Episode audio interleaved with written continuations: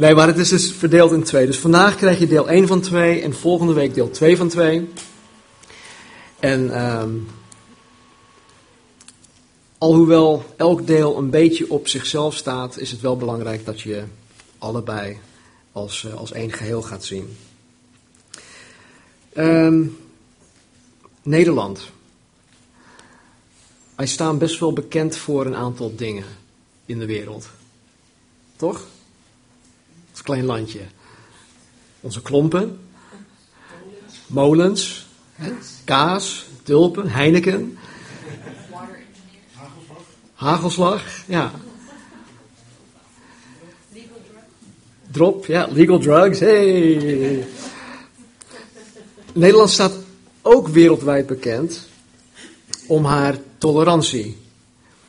Alhoewel dat een beetje afneemt, over het algemeen staat Nederland echt bekend voor haar tolerantie. En tolerantie jegens alle verschillende geloofsovertuigingen, tolerantie jegens uh, de verschillende culturen, tolerantie jegens, uh, nou, wat je net zei, drugsgebruik, softdrugs en ook prostitutie, dat soort dingen. Tolerantie jegens homoseksualiteit, enzovoort, enzovoort. Nou, Van Dalen vertaalt tolerantie als volgt. Heel simpel. Tolerantie is dit: verdraagzaamheid jegens andersdenkenden. Verdraagzaamheid jegens andersdenkenden. Onder tolerantie verdragen wij andere mensen die anders over zaken denken dan wij. Wij verdragen mensen die anders over normen en waarden denken dan wij. Het verdragen, of het verdragen van iets, betekent niet dat men per se blij is met datgene zij verdragen. Of dat ze het ermee eens zijn. Maar het verdragen van iets betekent gewoon dat men het accepteert. En dat je het accepteert en niet uh, ja, dat je daar verder niks mee doet. je, je laat het gaan. Nou, sommige Nederlanders schamen zich over hoe tolerant de Nederlandse samenleving is. Over hoe tolerant de Nederlandse uh, overheid is. Andere Nederlanders zijn er juist trots op. Hè, hoe tolerant we zijn. Nou, in hoeverre moeten wij als, als de gemeente van Jezus Christus meegaan in deze tolerante houding?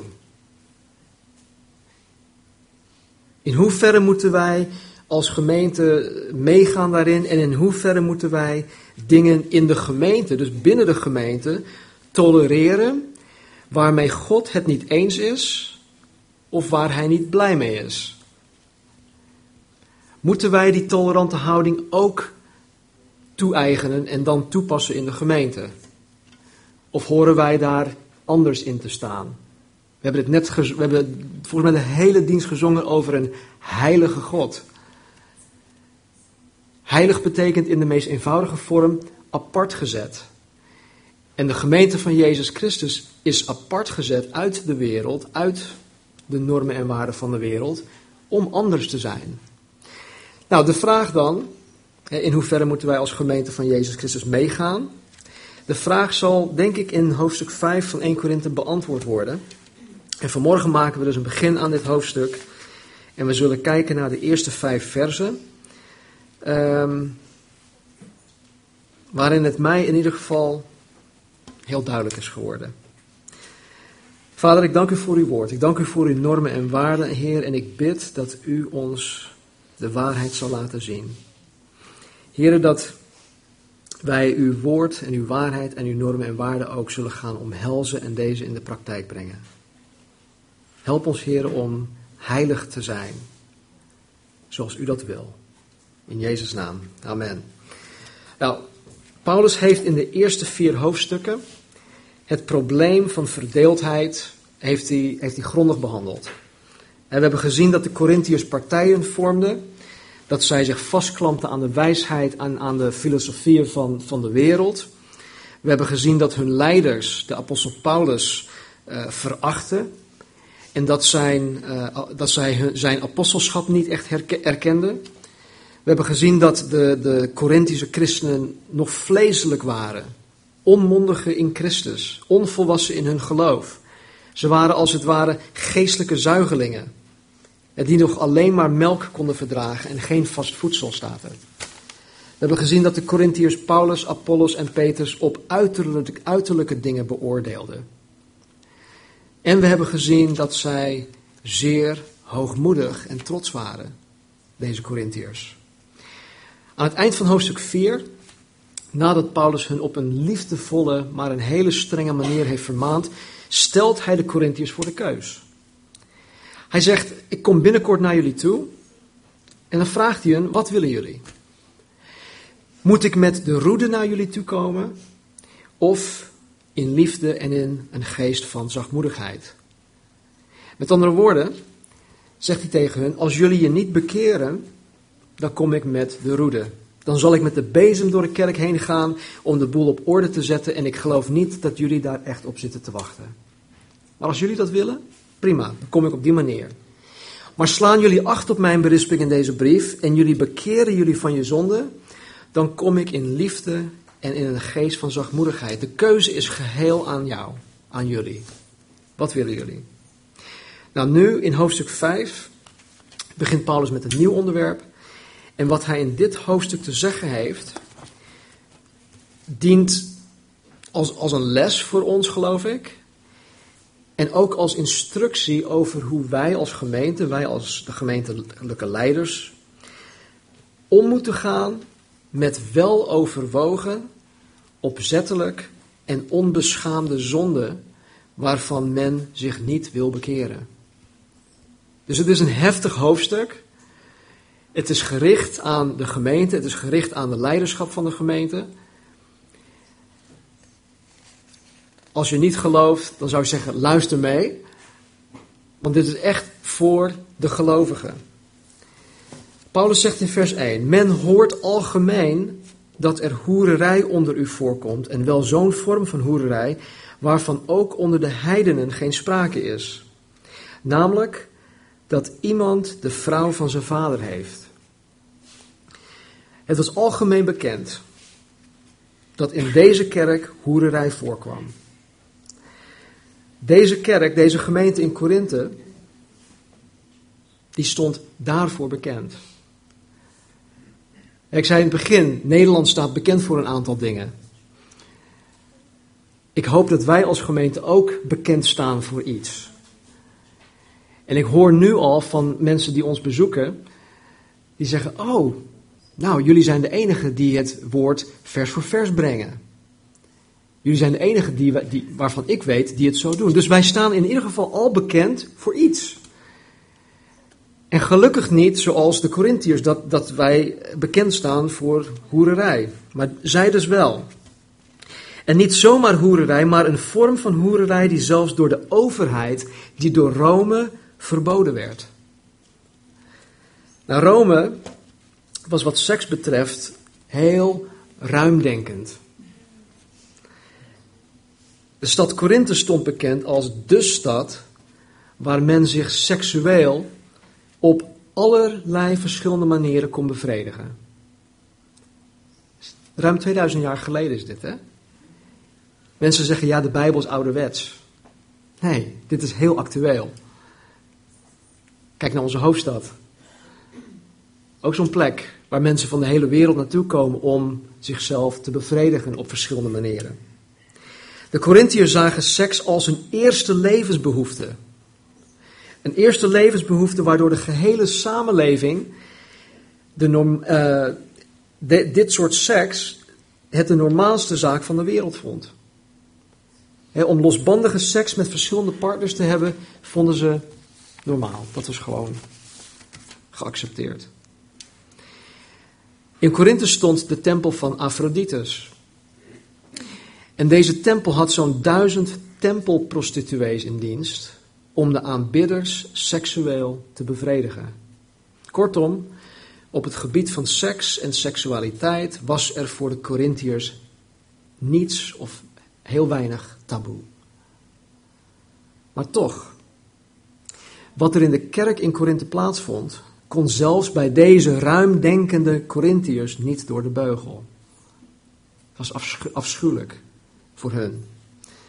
Nou, wat was er dan zo erg aan? Nou, ten eerste heeft Paulus het hier over hoererij. Misschien een oud bollig woord. In sommige vertalingen staat ontucht. Het woord voor hoererij of voor ontucht in de grondtekst is pornea, waarvan wij het woord pornografie krijgen. Dit woord pornea behelst elke vorm van seksuele immoraliteit. Elke vorm.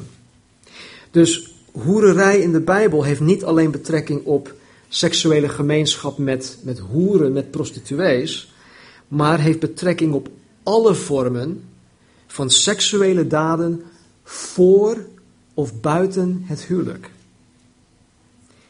En hoererij, ontucht, pornea, is streng verboden voor de wedergeboren christen. In Handelingen 15, vers 28 en 29 was er iets ontstaan. Ehm, er waren, uh, het evangelie ging uit naar de heidenen toe. Het was niet meer iets joods. En er waren, de, er waren een groep joden die bepaalde dingen op de, op de heidenen wilden leggen. Hè? Een hoop regels. Dat ze zich eerst tot het jodendom moesten bekeren voordat ze Jezus Christus konden navolgen. Nou, de raad in, in, in Jeruzalem heeft, daar, heeft zich daarover gebogen en uiteindelijk zijn ze tot een beslissing gekomen. En dit is wat uh, zij tegen de gemeente buiten Jeruzalem hadden gezegd. Ze hadden een brief opgesteld en die brief verstuurd en in die brief stond dit. De Heilige Geest en wij hebben namelijk besloten u geen verdere verplichtingen op te leggen dan deze noodzakelijke dingen. Noodzakelijke dingen. Eet niets wat aan een af, wat, eet niets wat aan afgoden geofferd is. Eet of drink geen bloed. Eet geen vlees van dieren die door verstikking ter dood gebracht zijn. En pleeg geen hoererij. Punt. Als u zich daaraan houdt, is het goed. Wij wensen u het allerbeste.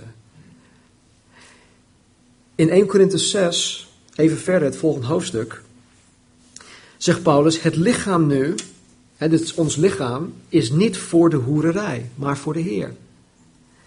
In Galaten, hoofdstuk 5, vers 19 tot 21, waar Paulus spreekt over de, de werken van het vlees. Hij maakt een contrast tussen het leven in de geest en, het werken, en, en de werken van het vlees. En hij zegt, het is duidelijk wat de werken van het vlees zijn. Namelijk overspel, hoererij. En dan nog een hoop dingen. Onreinheid, losbandigheid, afgoderij, toverij, vijandschappen, ruzies, afgunst, woedeuitbarstingen, egoïsme, tweedracht, dwalingen in de leer, jaloersheid, moord, dronkenschap, zwelgpartijen en dergelijke, waarvan ik u tevoren zeg, zoals ik ook al eerder gezegd heb, dat wie zulke dingen doen, het koninkrijk van God niet zullen beërven.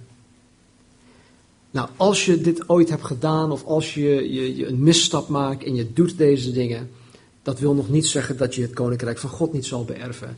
Het punt hier is, is dat je, als je dit blijft doen, als je daar hardnekkig in bent, en als je je niet wil bekeren van deze praktijken, zoals deze man in, in Korinthe, dan zal je het koninkrijk van God niet beërven.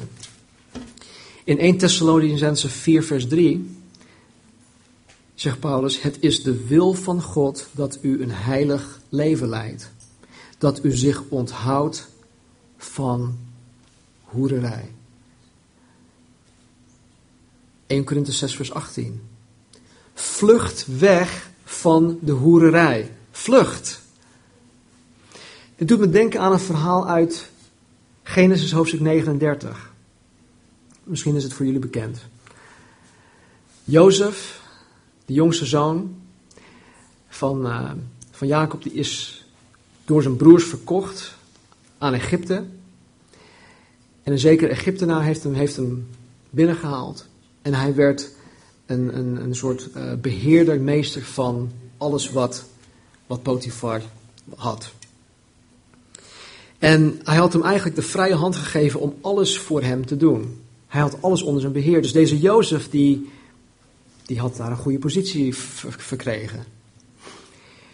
En er staat in Genesis um, 39, vers 9, 9 tot en met 12 dit.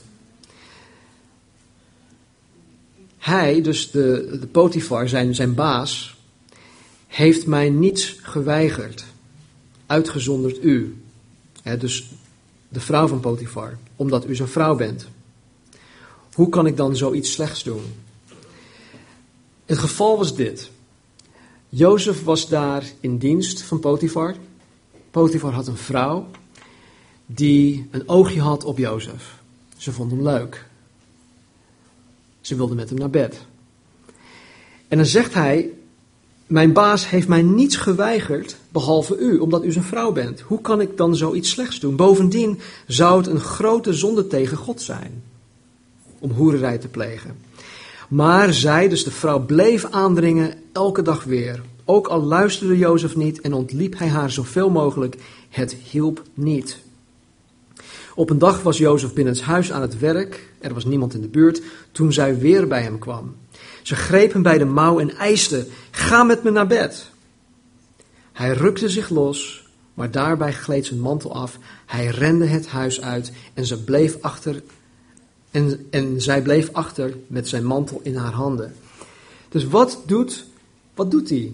Jozef vlucht. Hij rent het huis uit. En Paulus zegt in 1 Korinthe 6, vlucht weg van de hoererij. Ik zal daar volgende week iets dieper op ingaan. Maar het punt hier is, is dat, we, dat, we, dat het gewoon uh, dat het verboden is voor de christen. Het hoort niet. En hoererij is dus alle vormen van seks voor of na het huwelijk. Ik weet nog toen uh, Bill Clinton jaren geleden betrapt werd met Monica Lewinsky. Had hij, hij werd dus beschuldigd van hoererij. En dan komen ze met allerlei ehm, verhalen of ja, dingen om het te rechtvaardigen. Ja, maar ik had dit niet gedaan. Maar ik had niet op die manier uh, gemeenschap met haar gehad. En mensen, hoe je het ook wint of keert, om het heel plat te zeggen, als je je ding uit je broek haalt, dan heb je seks. En hij was daaraan schuldig. Dus jongelui, wees gewaarschuwd. Men hoort algemeen dat er hoererij onder u voorkomt en wel zo'n vorm van hoererij waarvan ook onder de heidenen geen sprake is. Namelijk dat iemand de vrouw van zijn vader heeft. Er was een, een man in deze gemeente in Korinthe die, die hoererij pleegde met zijn stiefmoeder. De tegenwoordige tijd van het werkwoord geeft aan dat het aan de gang was en dat het voortduurde. Het was dus niet een, een, een eenmalige gebeurtenis. Deze man had blijkbaar een echtscheiding veroorzaakt en woonde samen met deze vrouw. Wat de tekst ook suggereert is dat deze vrouw ongelovig was. Want als zij gelovig was geweest, dan had Paulus ook haar in de brief genoemd. Dus deze man was niet alleen schuldig aan hoererij, maar hij was ook nog eens schuldig aan het vormen van een ongelijk span. Hij als gelovige had een relatie met een ongelovige en ook dat is niet aan te raden. Wanneer er binnen de gemeente van Christus zulk grove zonde, hoererij voorkomt, dat zelfs de heidenen, dat zelfs de ongelovigen buiten de kerk daar verbaasd over zijn, dan is er alle reden voor de gelovigen om zich diep te schamen over dit soort gebeurtenissen, over dit soort gedrag. Maar dat was in Korinthe niet het geval. In vers 2 staat er, en u doet zich zo gewichtig voor. Kunt u niet beter betreuren, kunt u niet beter treuren om dan hem die deze daad begaan heeft uit uw midden weg te doen? De Corinthiërs schaamden zich niet over deze zonde. Integendeel, zij waren opgeblazen. Ze waren trots op het feit dat zij deze man tolereerden. En dat zij deze man, zoals wij in het Nederlands ook zeggen, dat zij deze man in het waarde lieten. Zij lieten deze man in zijn waarde. De Corinthiërs hadden waarschijnlijk zoiets van: joh, kijk, kijk hoe liefdevol wij deze man blijven accepteren in ons midden, in onze gemeenschap. Uiteindelijk ging Jezus ook om met, met hoeren en met tollenaars en met zondaars. Dus wij onder de mantel der liefde blijven deze man koesteren en we blijven hem liefhebben.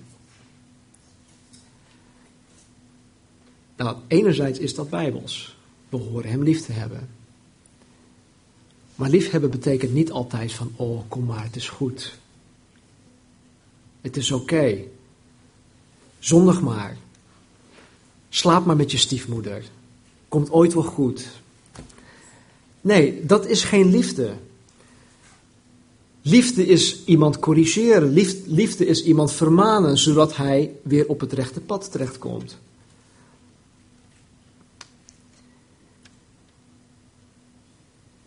De Corinthiërs waren trots. Ze waren trots op hoe zij deze man tolereerden. Waardoor ze dachten dat zij supergeestelijk waren. En want even verder, in een aantal, aantal hoofdstukken verder, zien wij dat, dat in hun samenkomsten mensen uh, in tongentaal spraken, dat profetieën werden uitgesproken. Er waren, er waren allerlei schijnbare tekenen of bewijzen van geestelijkheid. Maar het was één grote show. Het was oppervlakkig. Want ik kan hier wel rondspringen en zeggen van, joh, kijk hoe geestelijk ik ben. Maar als ik zonde in mijn eigen leven tolereer en in andermans leven, als ik hem of haar niet daarop aanspreek, dan ben ik zoals Paulus uh, hun omschrijft, vleeselijk. Dan ben ik een zuigeling in Christus. Dan ben ik helemaal niet zo geestelijk zoals ik zelf denk.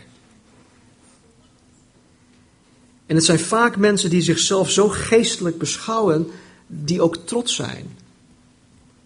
Want kijk, kijk wat allemaal in onze kerk gebeurt. Kijk hoe God onder ons bezig is. Kijk hoe God ons zegent. En sommige dingen kunnen waar zijn, God zegent, maar het is niet omdat zij zo geestelijk zijn. Paulus schat hun heel anders in. Volgens Paulus waren ze vleeselijk, ze waren zuigelingen in Christus, ze, kropen nog rond in hun, in hun geestelijke luiers.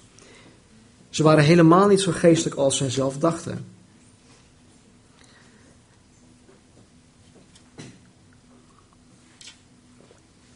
Ik merk vandaag de dag ook dat in sommige kringen een mate van trots en hoogmoed heerst. En vooral ook op het gebied van de gaven van de Heilige Geest en hoe zij in hun samenkomsten tot uiting komen. Nogmaals, er is niks, niks mis mee, dat is heel bijbels. Ik geloof ook, wij als Calvary Chapel geloven ook in de, de, de actualiteit van de gaven van de Heilige Geest.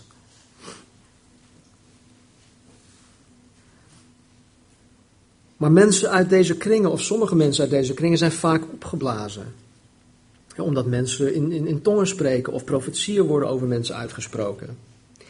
En als je dezezelfde mensen vertelt uh, hoe het bij ons aan toe gaat, hè, dat wij het woord echt hoog houden, dat wij het vers voor vers behandelen, ja, dan kijken ze je vaak aan met een soort, soort van, van minachting. Van, oh, doen jullie het zo? Oh, wat jammer voor jullie.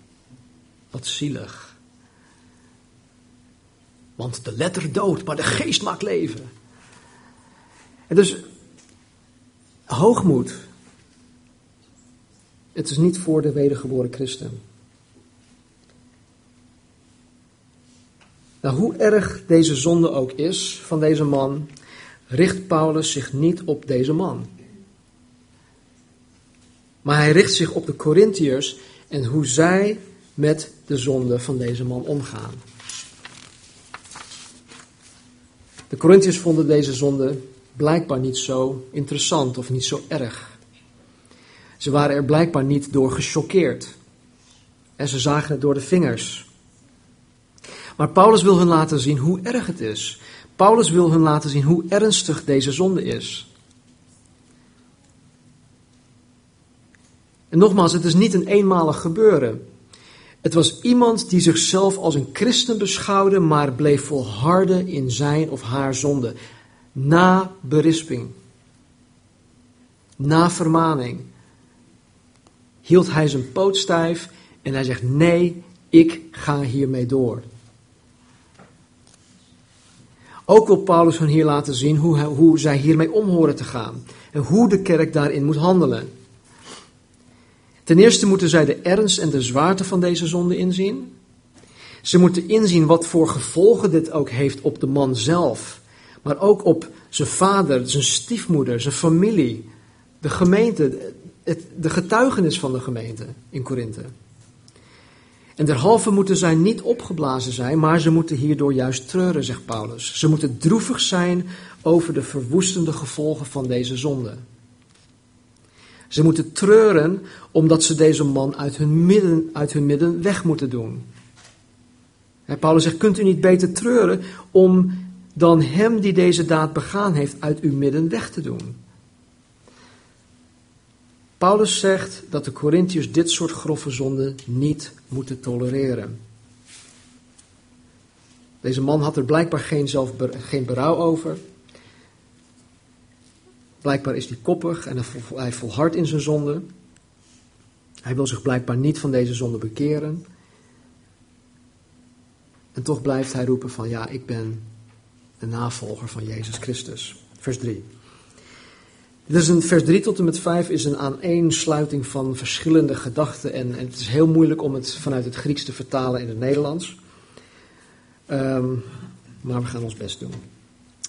Paulus zegt: Ik toch heb, hoewel afwezig met het lichaam, hij was er dus niet bij, maar aanwezig met de geest, reeds besloten alsof ik aanwezig was, om hem die dat zo gedaan heeft in de naam van onze Heer Jezus Christus als u en mijn geest bijeengekomen zijn in de kracht van onze Heer Jezus Christus, die persoon over te geven aan de Satan, tot verderf van het vlees, opdat de geest behouden mag worden op de dag van de Heer Jezus. Dat is heel mondvol.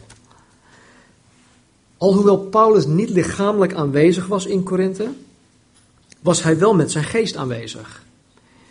En dan bedoel ik niet dat door middel van een of andere geestelijke verplaatsing in het heelal. Maar hij was aanwezig door middel van de brief die hij schreef. Want de brief die hij schreef heeft, had net zoveel gewicht alsof hij het zelf persoonlijk uit eigen mond tegen hun zegt. Deze brief heeft apostolische autoriteit en vandaag de dag nog steeds. En Paulus zegt dat het voor hem een no-brainer is hij hoeft er niet over te peinzen. Hij heeft reeds besloten wat er met deze man moet gebeuren.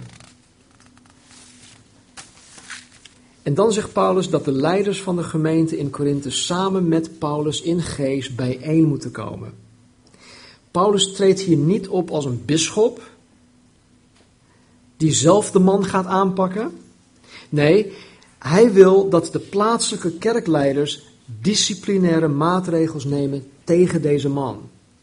Hij wil dat het op het plaatselijk kerkniveau gebeurt.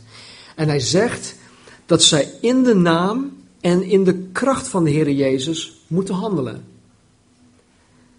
Met andere woorden, zij zouden moeten handelen alsof Jezus Christus daar zelf aanwezig zou zijn.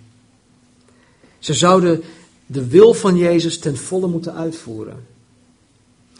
En wanneer de leiders van Korinthe van de gemeente in Korinthe in de naam van Jezus, hè, dus volgens het woord van God, de Bijbel, handelen. Wanneer zij op die manier handelen, zullen zij ook in de kracht van Jezus handelen.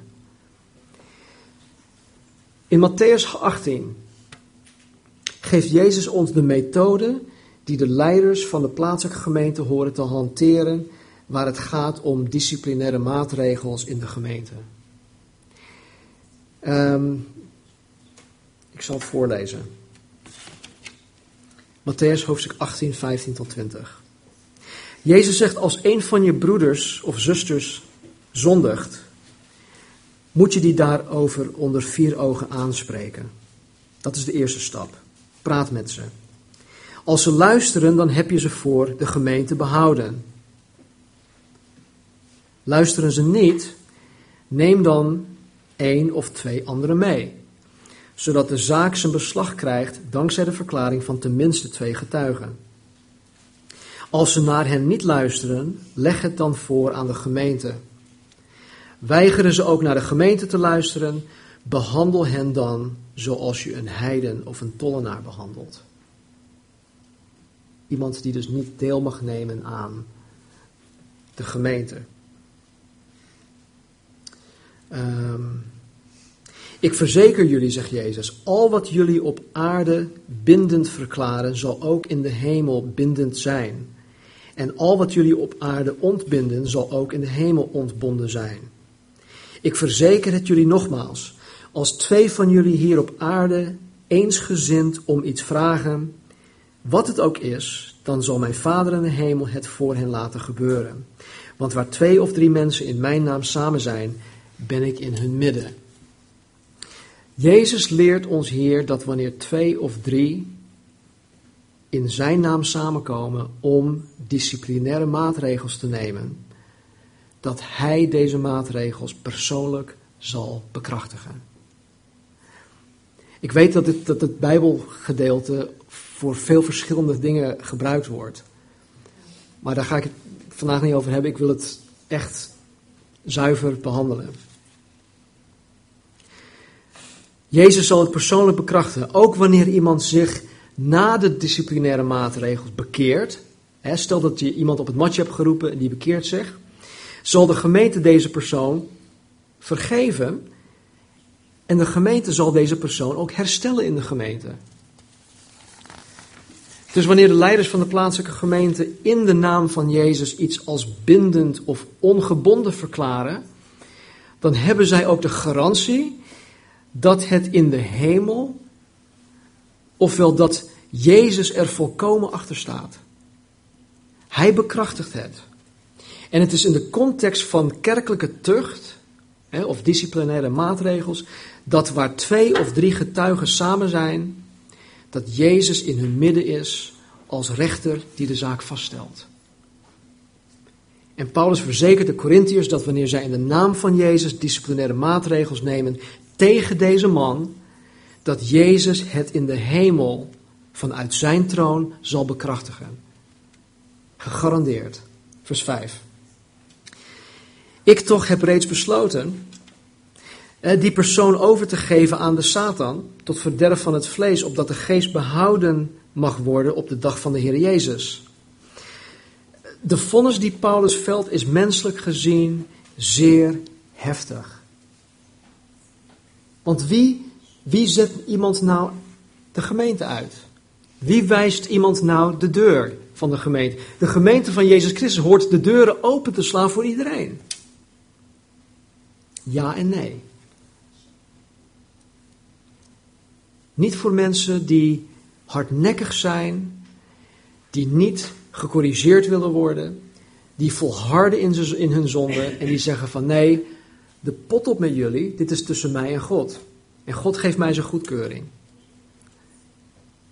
Daarvoor moet de gemeente haar deuren sluiten. Maar er is, een, er is iets moois. Er is een hele mooie kant aan het verhaal.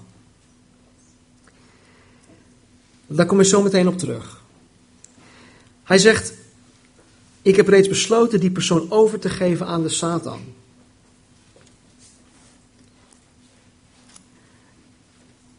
Geloof dat het overgeven aan de Satan inhoudt dat deze man ten eerste de kerk uitgezet moet worden. Want de Bijbel leert ons dat Satan, de duivel, de heerser is van deze wereld, ofwel alles dat buiten het koninkrijk van God staat. En door deze man over te geven aan de Satan betekent dat hij in de wereld teruggeworpen wordt. Zodat hij niet langer kan genieten van de voorrechten van het gemeentelijk leven. Wat wij hier samen hebben is een, is een voorrecht. De bedoeling is dat deze man op zichzelf geworpen wordt, zodat hij tot bezinning komt. Zodat hij in gaat zien wat hij in de gemeente van Jezus Christus allemaal mist. Paulus schrijft in een van zijn brieven aan Timotheus over een tweetal voorgangers die een valse leer brachten.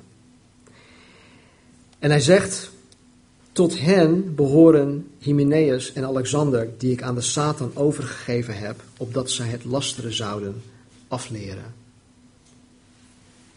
Dus deze praktijk was voor Paulus niet onbekend. Het resultaat van deze maatregel, deze disciplinaire maatregel, is het verderf van het vlees. En dit kan verschillende dingen betekenen. Zelfs ziekte. Sterker nog, het kan de lichamelijke dood betekenen. Nou, Jezus maakte het zijn discipelen duidelijk dat niet alle ziekte en andere vormen van lijden het gevolg is van specifieke zonden in een mensenleven. Dus dat voorop. Weet jullie nog toen ehm, er een blind geboren man was die tot Jezus kwam? Jezus genas hem, gaf hem zijn zicht terug. En de discipelen die vroegen aan Jezus: Jezus, wie heeft gezondigd? Hij of zijn ouders? Dat hij blind, dat hij blind is. Dus zij dachten dat uh, zijn ziekte, zijn blindheid, ge, uh, gebonden of gekoppeld was aan bepaalde zonden in zijn leven of aan de zonde van zijn ouders. Maar Jezus zegt nee, dat is niet het geval. Jezus zei, nog deze man, nog zijn ouders hebben gezondigd. Maar dit is gebeurd zodat God de Vader verheerlijk zal worden. Dat is één. Maar de Bijbel leert ons ook dat in sommige gevallen ziekte en de lichamelijke dood wel het gevolg kan zijn van bewuste zonde waarvan men zich niet wil bekeren.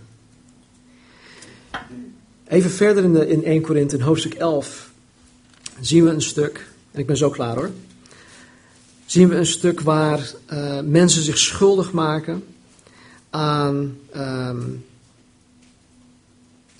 uh, het onwaardig deelnemen aan het heilige avondmaal. Er is absoluut geen liefde onder elkaar. Het is echt ellebogenwerk en uh, noem maar op. Het was, het was een drama.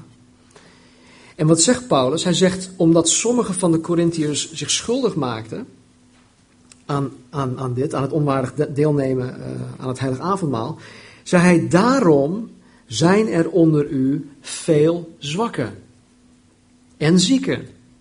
En velen zijn ontslapen. Ontslapen betekent dat ze dood zijn gegaan. Dus hier zien we dus wel dat, dat ziekte, zwakheid en zelfs de lichamelijke dood verbonden is aan hardnekkige zonde. Wegens een grove zonde tegen de Heilige Geest vielen Ananias en Sapphira plotseling dood. In Handelingen 5 lezen we dat verhaal. Nou, uiteindelijk is het Gods bedoeling dat de geest van, van Gods kind behouden zal worden. God wil niet dat zijn kind, hoe koppig die ook is, de eeuwige verdoemenis ingaat. De bedoeling is dat de geest van van het kind, de ziel van Gods kind behouden zal worden. God wil dat al de zijnen voor eeuwig met hem in zijn koninkrijk zullen zijn. En God zal, kost wat het kost, ervoor zorgen dat de zijnen voor eeuwig met hem zullen zijn. Ook, al, ook als het nodig is dat het vlees, hè, dat het lichaam, zelfs door middel van de dood tot hem moet komen, dan zal God dit uit liefde voor die persoon doen. Want wat is ons lichaam? Dit is tijdelijk. Vaak, vaak horen wij hè, dat, dat, dat, dat juist de goede mensen of de goede christenen. Nou, ik, denk even aan Keith Green. Die is op een jonge leeftijd, volgens mij was hij 33 of zo. Hij schreef zoveel mooie, mooie aanbiddingsliederen. Hij had een, echt een geweldige bediening. Hij bereikte duizenden, tienduizenden mensen met zijn bediening, met, met zijn bijbelstudies. En op een hele jonge leeftijd is hij omgekomen. Nou, ik wil niet zeggen dat hij, dat hij zonde in zijn leven had. Maar wij weten niet wat er morgen gaat gebeuren. En God die ziet het begin van zijn leven, van, van, van Keith Green's leven en het eind van Keith Green's leven en alles wat er tussenin plaatsvindt. En hij zegt, oeh nee, oeh, nee dat, gaat niet, dat gaat niet goed aflopen. Boem, ik neem hem nu weg. En ik geloof dat God dat ook met ons zou doen als God al voorziet van hé, hey, dat gaat uiteindelijk de foute kant op bij jou. Ik neem je nu vast naar huis. ik breng je nu alvast thuis.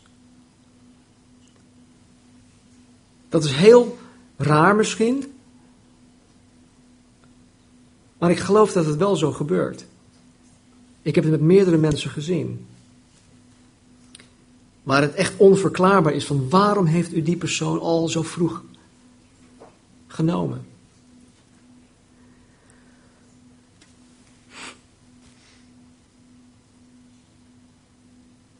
Dus God zal kost wat het kost ervoor zorgen dat de zijnen voor eeuwig met hem zullen zijn. Die garantie hebben wij. Tegelijkertijd zal God ook kost wat het kost ervoor zorgen dat zijn gemeente zuiver en heilig wordt en blijft. Vandaar deze radicale maatregels. Nou, tot slot. In hoeverre moeten wij als de gemeente van Jezus Christus meegaan in deze tolerante houding? In hoeverre moeten wij dingen in de gemeente tolereren waarmee God het niet mee eens is en waar hij niet blij mee is? Ik denk dat wij ons aan zijn woord moeten houden. De brief aan de Corinthiërs is heel actueel. Het heeft apostolische autoriteit. Het is voor ons ook van toepassing. En dit zijn geen prettige zaken voor de gemeente. Dit, dit, dit, dit toont een, een, een hele lelijke kant van gemeente zijn. En het is iets waar wij ons aan moeten houden.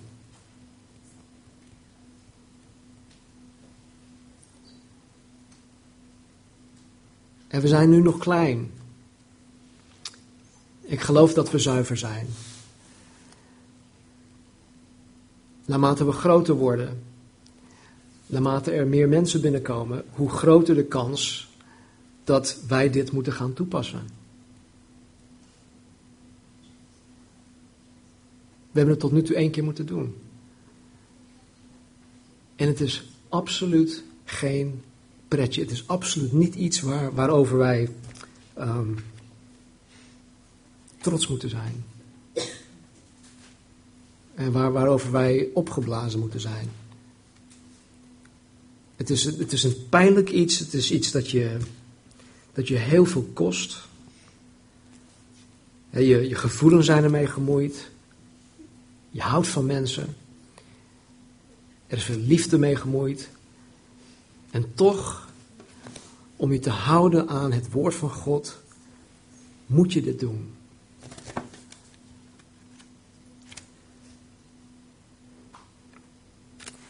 Volgende week, deel 2. Vandaag hebben we hopelijk gezien dat het nodig is, dat het moet gebeuren. Volgende week, waarom?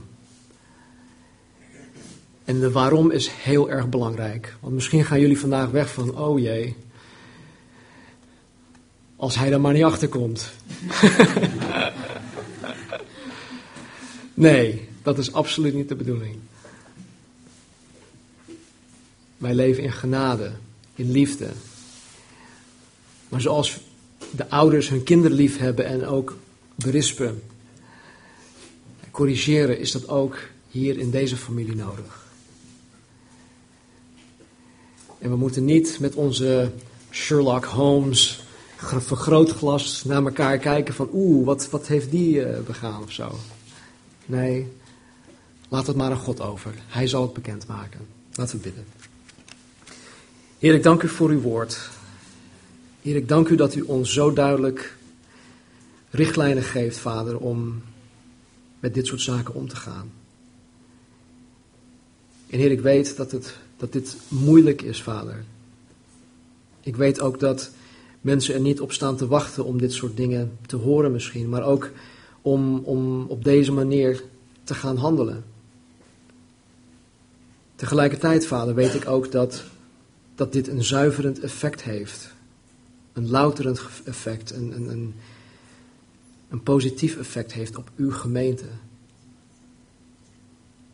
Want heren, dit scheidt um, de, het kaf van het koren, of ja, zeg het goed.